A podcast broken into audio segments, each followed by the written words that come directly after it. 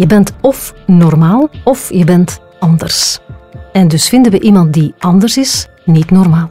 Studio Brein is een podcast over de wonderwendingen van onze hersenen. En ook in deze aflevering blijken er vele varianten te zijn van anders zijn. En wordt de vraag gesteld: wat en wie is eigenlijk normaal?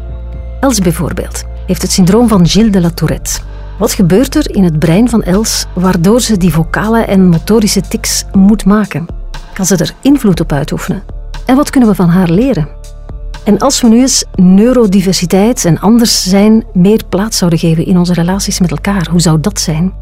Allemaal vragen waar Eva Moeraert en Maaike Verstraten antwoorden op zoeken in deze alweer fascinerende aflevering van Studio Brein. Luister.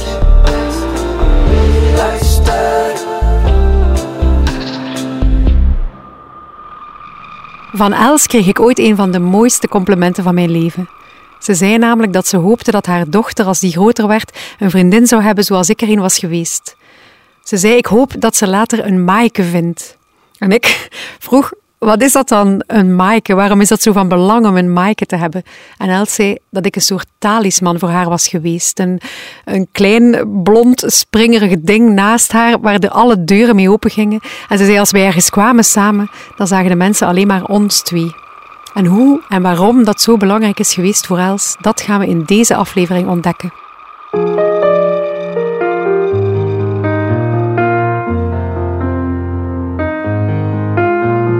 Dit is Studio Brein, een podcast van Breinwijzer over de wondere wendingen van je hersenen.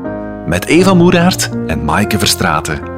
Ja, en deze vierde aflevering van Studio Brein al gaat over het syndroom van Gilles de la Tourette. We kijken dus onder de hersenpan van mijn vriendin Els vandaag. En niet alleen dat, want we gaan zelfs de filosofische tour op vandaag. En we bespreken wat normaal is en abnormaal en of hoe we dat toch zelf invullen. Maar eerst gaan we luisteren naar het verhaal van Els. Els uit Gent. Ik voel dat gelijk wel opkomen, ik voel dat borrelen en het moet ook het moet, het moet eruit. Het is gelijk een jeuk op je rug. En je moet krabben, anders gaat... En je kunt er... Zolang dat er niet aan kunt, blijft die jeuk er aanwezig. En hij gaat ook maar weg een keer dat je gekrapt hebt. Eigenlijk kun je het daar een stuk mee vergelijken.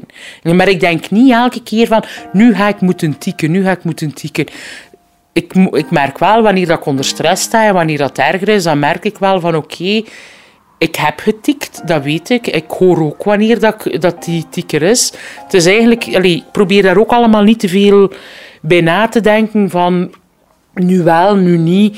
Ik laat het vaak een beetje mij overkomen. Nee, nee, nee. Uh, nu heb ik bijvoorbeeld niet gedacht, ja, nu ga ik tikken. Nee, het moest er even uit. Ik vloek niet. De, het vloeken is een minderheid. Het is wel aanwezig bij sommige mensen, maar het is wel een effectieve minderheid die, die schuttingstaal gebruikt. Uh, bij mij zijn dat vooral keelgeluiden, dus mm, mm, dat maak ik enorm veel, eigenlijk dag, dagelijks, dag door, dag in, dag uit. Uh, ook soms ja, mijn, mijn neus soms optrekken, maar dat is meer een motorische tik, want het maakt eigenlijk niet echt veel geluid, maar trek wel mijn neus regelmatig op. Maar bij mij de vocale tik is vooral mm, het keelgeluid. Uh, en de motorische tics, ja, dat zijn dan de tong uitsteken, de neus optrekken, met de ogen knipperen, uh, met de handen bewegingen doen. Uh, ja, dergelijke tics. Ja, en ik interview Els hier op haar werk. Ze is maatschappelijk assistent bij het OCMW in Gent. Maar daarnaast heeft ze ook een gezin, een man en drie kinderen. Mijn oudste is 17, bijna. Mijn jongste is 13. Zij, zij schamen zich niet voor haar mama, denk ik. En ben het bijna zeker, dan zonder niet schaam.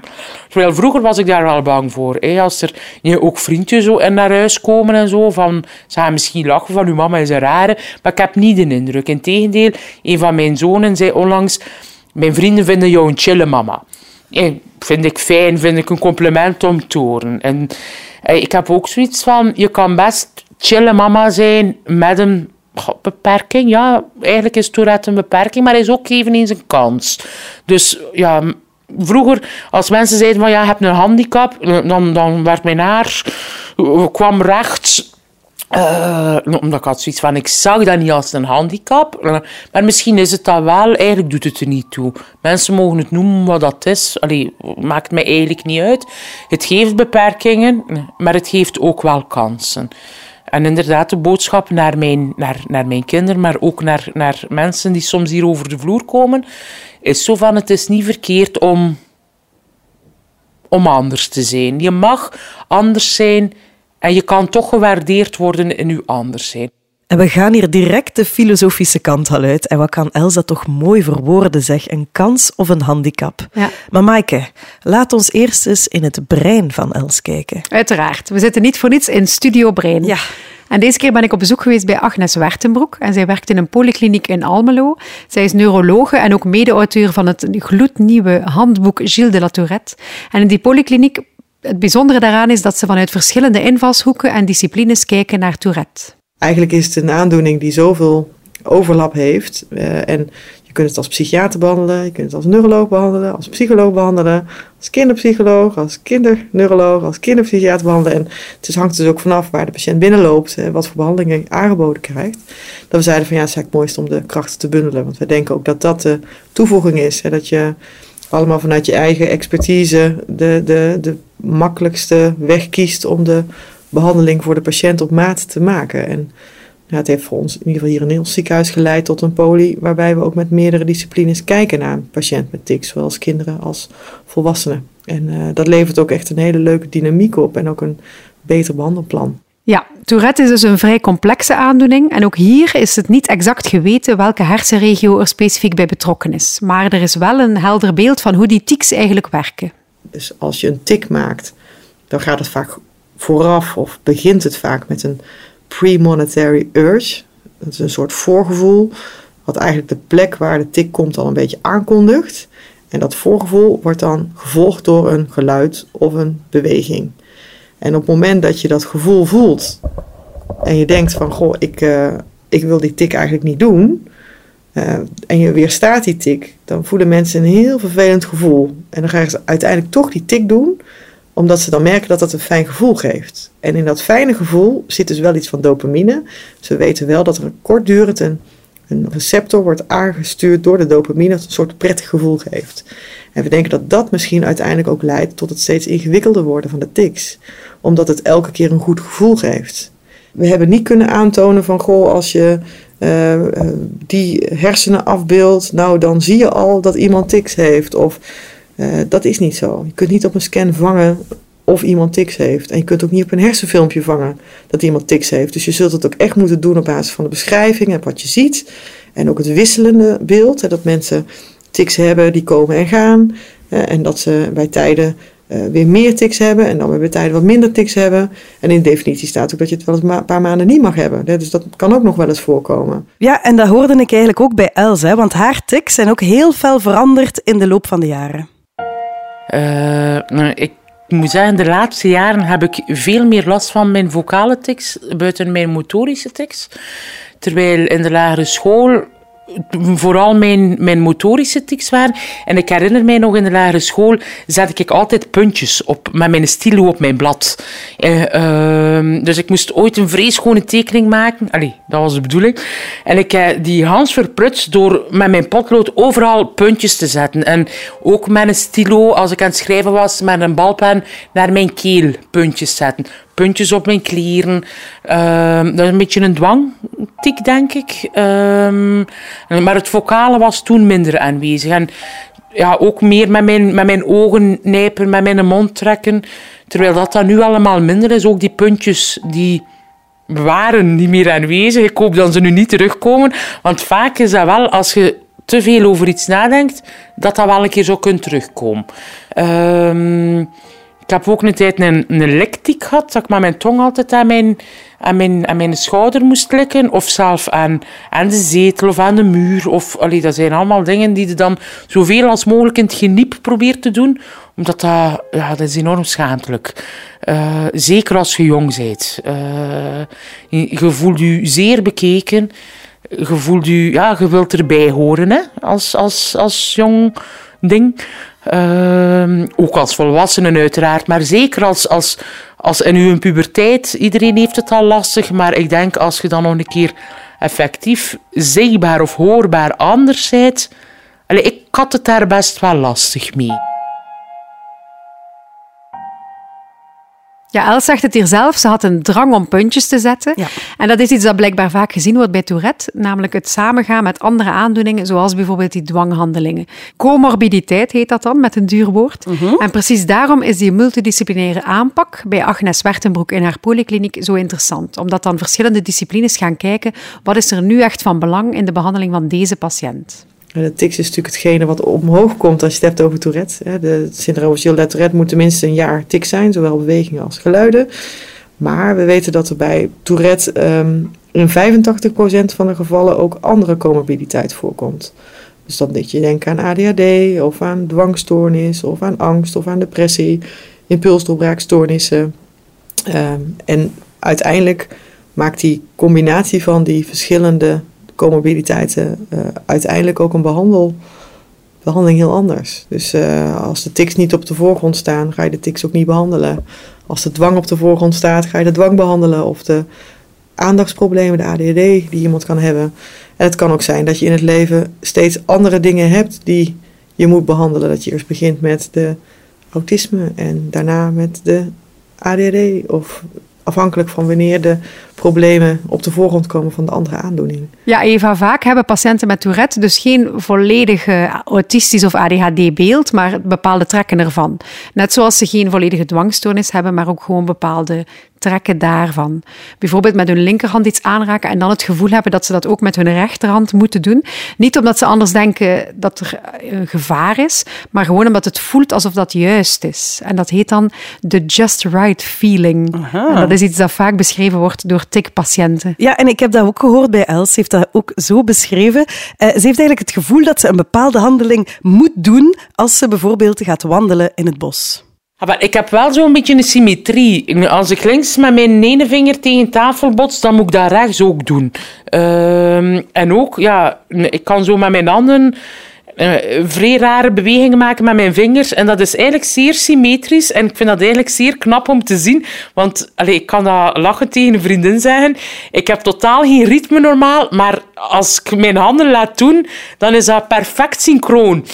Uh, maar dat is dus eigenlijk een beetje de, ja, de dwang, omdat als dat links is, moet dat ook rechts. Ik ga ook heel veel gaan wandelen. En het is vaak dat ik met mijn vinger de grond moet aanraken. Met mijn linkerhand. Maar ik kan dan ook geen vijf meter verder zetten of moet met mijn rechterhand ook die grond geraakt hebben. En af en toe probeer ik zo van nee, nee, nee, je gaat dat niet doen. Wat gaat er u overkomen? En toch, dat blijft, gelijk die jeuk op mijn rug, dat blijft aanwezig tot het moment dat ik het effectief gedaan heb. En dan is dat wel vaak weg. Over dat uh, synchroon en ritmisch bewegen, dat zo typisch is voor mensen met Gilles de la Tourette, ja. heeft ook Oliver Sacks geschreven. Dat is een Amerikaanse neuroloog, die, veel, uh, die auteur is van veel boeken. En hij heeft daar een boeiend verhaal over geschreven, namelijk Witty Ticky Ray.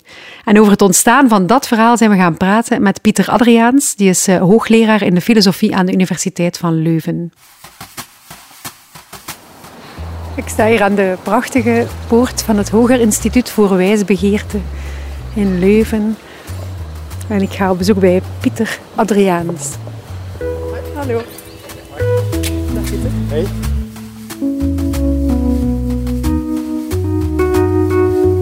Een man, Ray, een 24-jarige man, die uh, bij uh, Sax op consultatie komt. Aan de ene kant ervaart hij wel degelijk de nadelen van Tourette.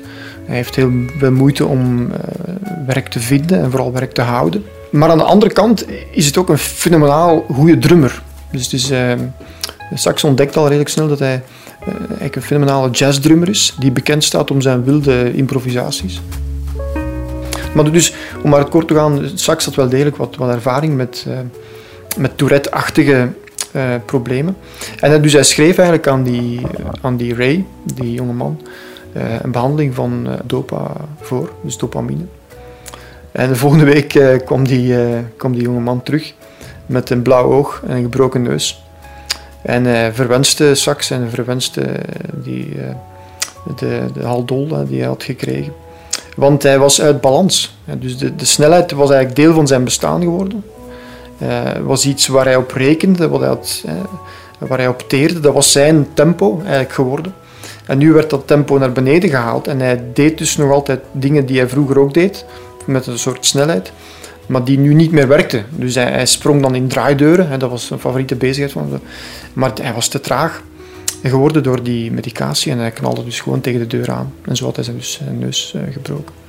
Het, even, het evenwicht was niet alleen zoek in, in, in, het dagelijks, in de dagelijkse motoriek, de manier waarop hij zich gewoon door de wereld uh, bewoog, maar ook in zijn drumspel. Dus merkte hij dat die medicatie hem zodanig afremde dat hij eigenlijk gewoon nog maar een ordinaire drummer was.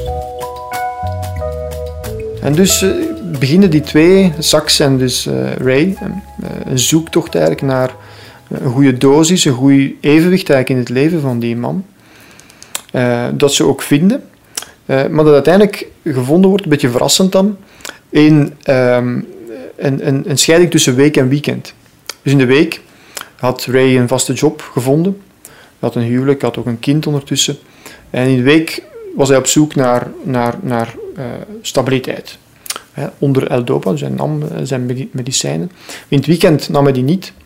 En ging hij drummen. En dan was hij de, de witty ticky Ray, de, de wat gevatte, uh, vreemde, onvoorspelbare, fantastische drummer die hij was. En voor mij is dat een mooi voorbeeld eigenlijk van hoe je uh, zelfs met zo'n ingrijpende aandoening als Tourette, want Tourette heb je natuurlijk over een heel spectrum en hij had echt wel een heel hevige vorm van Tourette, hoe je zelfs met een hevige vorm van uh, bepaalde handicaps zoals Tourette toch eigenlijk nog een mooi leven kan leiden. Supermooi verhaal. Maar hoe zit het dan eigenlijk met die medicatie, met die haldol en zo, waarover ja. uh, Pieter Adriaans het had? Kan je Tourette eigenlijk goed behandelen? Ja, bij uh, Agnes Wertenbroek in de poli boeken ze nu verrassend goede resultaten met gedragstherapie. Vooral bij kinderen en jongeren, omdat je dan nog vroeg kunt beginnen, kan dat echt nog veel verschil maken. Maar vroeger werd er vooral medicatief gewerkt, vooral met haldol. Mm -hmm. En dat is eigenlijk een uh, medicijn tegen psychose. En dat bleek ook effectief te zijn om de tics bij Tourette te verminderen. Het grootste nadeel daarvan is dat eigenlijk niet alleen de tics gedempt wordt, maar ook een heleboel andere dingen. Dat hoorden we ook bij Ray. Ja. En ook Els heeft daar ervaring mee. Ik ben zeer zoekende geweest in medicatie. Ik heb vroeger medicatie genomen waar ik zeer veel van aangekomen ben. Wat dat ook niet fijn is als, ja, als jonge dame, maar ook als jonge heer. Allee, ik bedoel, denk, het is voor, voor niemand fijn om in gewicht bij te komen. Maar ik liep daar ook enorm moe van.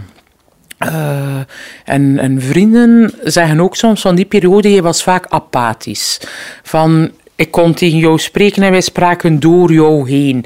Terwijl nu neem ik andere medicatie. Alleen mijn, mijn, mijn Tourette is erdoor niet altijd uh, onder controle, maar ik ben wel wie dat ik ben.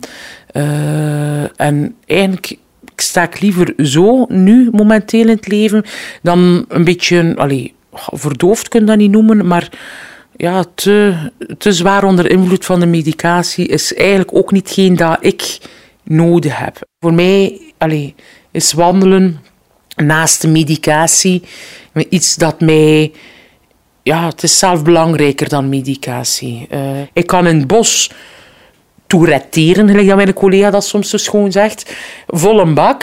En dan merk ik dan zo dat een paar meters verder een ander wandelaar komt en dan maar even pech. Maar na verloop van tijd gaat dat ook helemaal weg. En, en merk ik dat ik echt tot rust kom. Dus voor mij is wandelen enerzijds het volledig kunnen loslaten en volledig mijn ding doen. Maar anderzijds is het ook een plek waar dat ik volledig tot rust kan komen en waarvan ik iets heb. Nu heb ik er eigenlijk geen last meer van. Wandelen dus. Ja. Zo eenvoudig kan het zijn. Inderdaad. Sowieso zijn blijkbaar voldoende rust en weinig stress van belang voor mensen met Gilles de la Tourette. Ze zijn erg gevoelig voor prikkels. Maar de wereld zoals die al is, in de prikkels, is vaak al prikkel genoeg. Hè, dat je eigenlijk niet er heel veel bij hoeft te hebben. In, een, in, ja, in het geval van een kind. Dat je zegt van ja, al die agenda's die vollopen met... oh, je moet ook nog sporten en uh, je moet ook nog naar het verjaardagsfeestje. Je moet ook nog even daarheen. Dat is voor een kind met tics vaak heel veel. En, en dan heb je eigenlijk liever dat er wat rust in die uh, agenda komt. En liever gewoon structuur, weten waar ze aan toe zijn. Dat is vaak, ja, uh, daar gedijen ze vaak beter op. En dat kan soms ook in tijden dat het heel heftig is met de tics ook het advies zijn van goh, probeer even te kijken of je iets weg kan strepen in die agenda. Dus zo blijkt alweer, zoals we al vaak in onze afleveringen gehoord hebben, dat het Ja. aanpassen van je levensstijl, dus gaan wandelen in het bos, die agenda vrijmaken, vaak effectiever is dan de medicatie. Het heeft alleszins veel minder bijwerkingen om gewoon wat meer rust in te bouwen. Ja, klopt. Maar dat rusten, dat blijkt nu net niet zo evident voor Els. Want ze vertelde mij, als ze s'avonds laat eh, gaat slapen en in haar bed ligt, dat dan de ontlading komt. En de laatste dagen is het vooral in mijn bed. Als ik in mijn bed lig, dat, dat het enorm luid gaat. Eh, het is gelijk dat dan de ontlading van de, van de voorbije dag komt. Ik ben dan alleen. Op het moment dat mijn echtgenoot erbij kruipt, merk ik al dat het al iets minder is. Maar als ik alleen lig, dan is het eigenlijk wel zeer expliciet aanwezig. Weliswaar ook met het gevolg dat mijn dochter of mijn zoon al een keer zegt van ik heb niet kunnen slapen het eerste uur, want je ging nogal luid. En ik weet dat je niet kan en doen, mama, maar... En, en, en, ja. en dat is niet plezant. Alleen nu heb ik dat ook wel, maar op een zeer allee, rustig niveau nog. Maar het kan soms zeer luid gaan. Eh, dat ik zou schrikken van mijn eigen. Eh, en meestal doe ik dat... Allee, het is niet dat ik mij daar bewust voor kies, maar de ontlading gebeurt vaak op, op momenten dat ik alleen ben. Dat is toch bijzonder, Eva. Dat het lijkt alsof Tourette niet te regelen is, maar blijkbaar doen mensen die tics toch minder als ze bij anderen zijn of als belangrijke situaties zijn. En dat is precies waar het eh, team bij Agnes met hun gedragstherapie rond werkt. Ze leren namelijk patiënten om invloed uit te oefenen op wanneer welke tics voorkomen. En dat is ook een manier van gedragstherapie. Hè? Dus dat je niet alle tics in één keer probeert te onderdrukken, maar dat je gaat zeggen van nou, je hebt een hele vervelende tik. Eh, we proberen die tik af te leiden naar een ander plekje. Dus als jij dit wil doen, dan beweeg je de, het hoofd naar één kant bewegen. Dan ga je het hoofd naar de andere kant bewegen. Dus als je dat dan voelt van ik moet het hoofd naar één kant bewegen en je denkt ik moet de andere kant bewegen, kan het zijn dat je helemaal die beweging niet maakt. Dat is dan best prettig. Maar je kunt ook zeggen van nou, in plaats van dat je met je hoofd beweegt, ga je even knijpen in je hand. Want dat is minder zichtbaar. Of je gaat eh, tikken met je voet. Of je gaat je tenen krullen in je schoen. Want dat is dan iets wat je niet ziet. En zo kun je dan ook voor elke tik een andere beweging uh, uiteindelijk omleiden. Maar dat is wel een heel stuk wat daarvoor nodig is om die aandacht van dat ene plekje naar die andere plek. Dat is best een gedoe. En als je dat elke tik voor tik moet doen, dan kun je je voorstellen dat je er wel even mee bezig bent voordat je dat voor elkaar krijgt. Een heel langdurig proces dus. En je kan je afvragen of het eigenlijk wel altijd nodig is. Want misschien is het niet zo erg dat tics zichtbaar zijn. Inderdaad, want Els die functioneert toch ook perfect op haar werk zo. Ik heb het al verteld, ze is maatschappelijk assistent bij het OCMW in Gent. Ik ben daar op bezoek geweest en ehm, Els zit daar in een heel, heel stil landschapsbureau. En dat is echt tricky voor haar. Die deur gaat dus elke ochtend zeer vervelend toe. Een paar keer nodig om die deur open te trekken.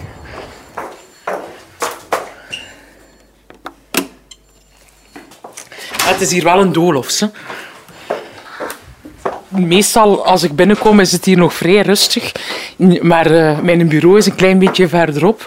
En ja, de afstand kan ik eigenlijk al niet overbruggen zonder Tourette. En dan eh, is het hier dat ik eh, een keer al mij van mijn beste kant doe. En dan hoor ze al en mijn collega zegt dan vaak al hallo, goedemorgen. Nog voordat hij mij gezien heeft. Eh. Dag Ingmar, goedemorgen. Kalf. Ik werk nu denk ik 20 jaar op het OCMW van Gent. En ik heb nog nooit van cliënten een opmerking gekregen van... Wat doe jij? Je zei de rare... Misschien één of... oh Ja, nooit is een groot woord. Hè. Misschien één of twee keer op die 20 jaar. Maar mensen kijken daar een stuk voorbij, blijkbaar. Omdat... Allee, het is misschien zeer dikkenekkerig nu om te zeggen. Maar ik ben eigenlijk wel goed in wat ik doe. In mijn werk ook. En mensen kunnen verder kijken dan onder neus lang is en zeggen niet van eh, bij die rare met Tourette wil ik niet komen. Nee, als ze dan ook zeggen van bij wie ben je geweest, dan is het bij die grote blonde dame en nooit die mare tik. Eh, Soms vragen ze wel hoor van wat is er of merk ik dan ze kijken dan geef ik daar zelf wel een beetje toelichting over. Maar ja, een mens is geen Tourette. Hè. Je bent niet... Allee, ja, ik ben meer dan dat. Ik ben, ik ben collega. Ik ben ja, eh, maatschappelijk werker. Ik ben vrouw. Ik ben echtgenote. Ik ben mama. Ik ben vriendin. In elk van deze rollen heb- heeft wel mijn Tourette een impact. Eh, Meer dan. Maar eh, ja, ik probeer wel mijn weg te vinden daarin. En mede dankzij de steun van, van prachtige mensen in mijn omgeving, uh, lukt dat wel. Ja, gelukkig zegt Els zelf ook dat ze niet samenvalt met haar Tourette. Want ik mhm. moet zeggen, als we die aflevering hier gingen maken, dan was ik al een beetje beschaamd over hoe weinig ik maar over Tourette weet. En dat ik daar bijna nooit bij stilgestaan heb wat dat eigenlijk voor Els betekent. Want Els was voor mij altijd gewoon mijn vriendin, Els. Mijn vrienden, die hebben daar eigenlijk nooit echt op gereageerd. En dat is eigenlijk altijd zo fijn geweest. Dat was... Allee, die konden wel een keer iets hebben van, je hebt gelijk wel wat erger of zo. Of, maar dat is nooit zo ik ben nooit betutteld geweest of ze hebben mij ook nooit anders behandeld. Ik was altijd een van de hoop. En dat denk ik, is ook altijd wel mooi geweest. En ook op school. Hè? Want ik denk tijdens examens bijvoorbeeld een vocale tik, dat was in een studiezaal verschrikkelijk. Enerzijds denkt ook van, ik mag het hier niet doen, eh, eh, eh, want ik ga hier de anderen storen. Maar je doet het wel, ook in de les. Maar toch heeft nooit iemand... Dat was ook nog niet een tijd zo van die speciale trajecten en zorgen en weet ik wat allemaal. En het is hard geweest, maar ik ben wel daardoor ook een stuk behandeld gelijk al de rest.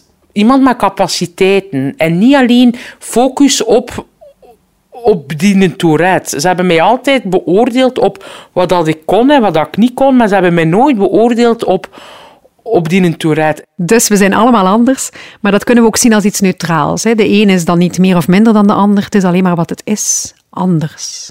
Oké, en nu gaan we toch echt de filosofische ah. tour op. Hè? Want Pieter Adriaans, hè, eh, die we al eerder hoorden met het verhaal over de drummer, heeft het ook gehad over neurodiversiteit. Je hebt sinds kort een beweging die de neurodiversiteitsbeweging noemt. En er is dan in die literatuur een discussie, oké, er is een verschil tussen eh, mensen uh, wat betreft bepaalde vermogens, psychologische of uh, fysiologische vermogens. En de vraag is, is dat verschil nu een neutraal verschil? Of is dat verschil eigenlijk een slechte zaak voor bepaalde mensen die uh, dan verschillen van anderen? Diegenen die beweren dat, dat dat verschil eigenlijk een neutrale kwestie is, die wijzen erop dat het, het, het verschil, waar, het over gaat, um, zowel voordelen als nadelen heeft. En dat eigenlijk op het einde van de rit die voordelen en nadelen een soort evenwicht, een soort balans vinden. in het Engels spreekt men soms van een soort trade-off.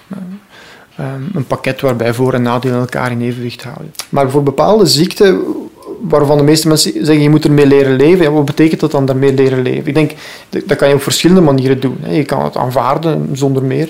Of je kan proberen eh, het tot een soort uh, troef te maken. En dat, uh, moet ik zeggen, een soort moreel ideaal, denk ik. Dat je iets kan doen met je ziekte.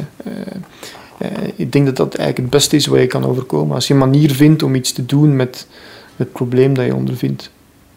Eerder dan het in te kapselen of te vermijden of het weg te duwen of het te vervloeken of het door te verzuren. Het is heel knap, denk ik, als je dat kan, iets doen met je ziekte.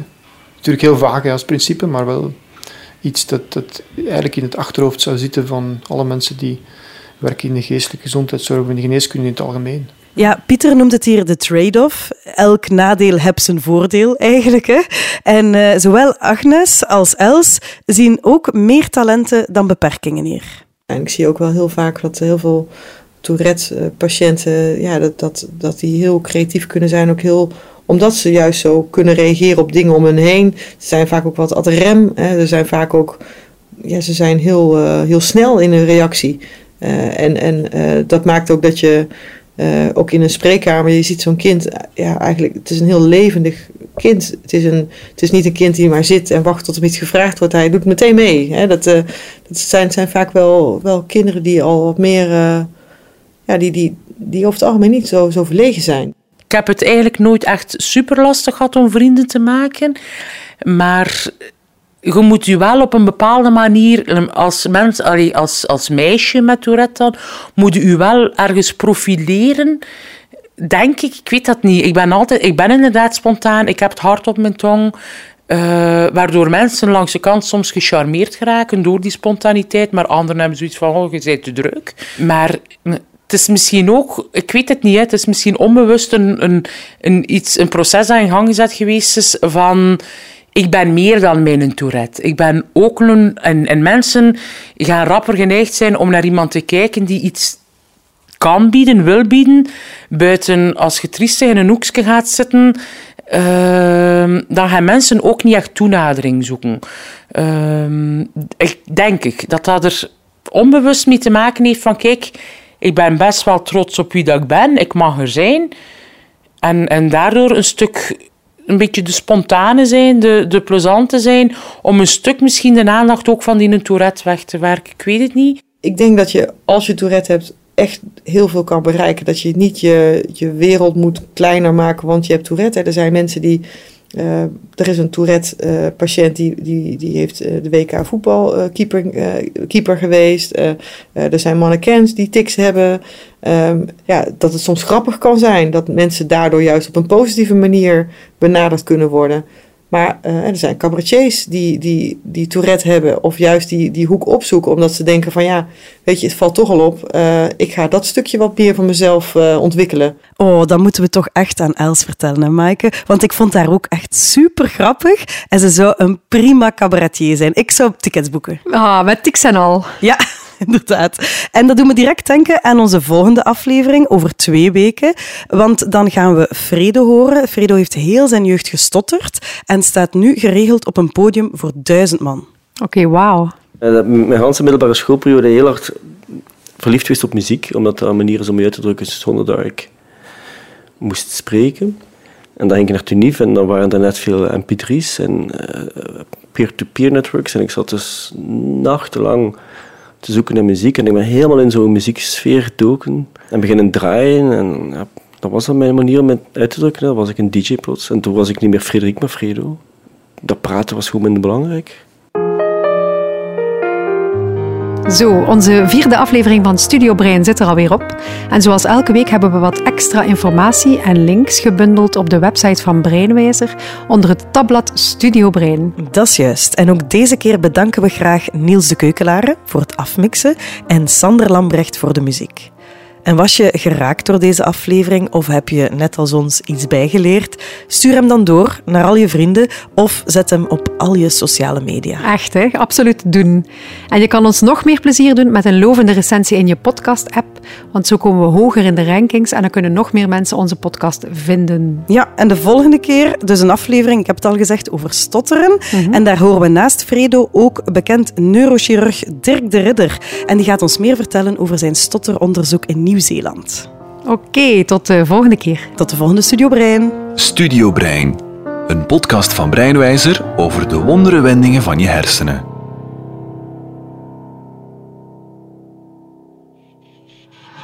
Je luisterde naar Studio Brein, gemaakt door Eva Moeraert en Maaike Verstraten. Studio Brein is een productie van de VZW Breinwijzer. Meer afleveringen van de podcast op breinwijzer.be of op luister.be. Luister.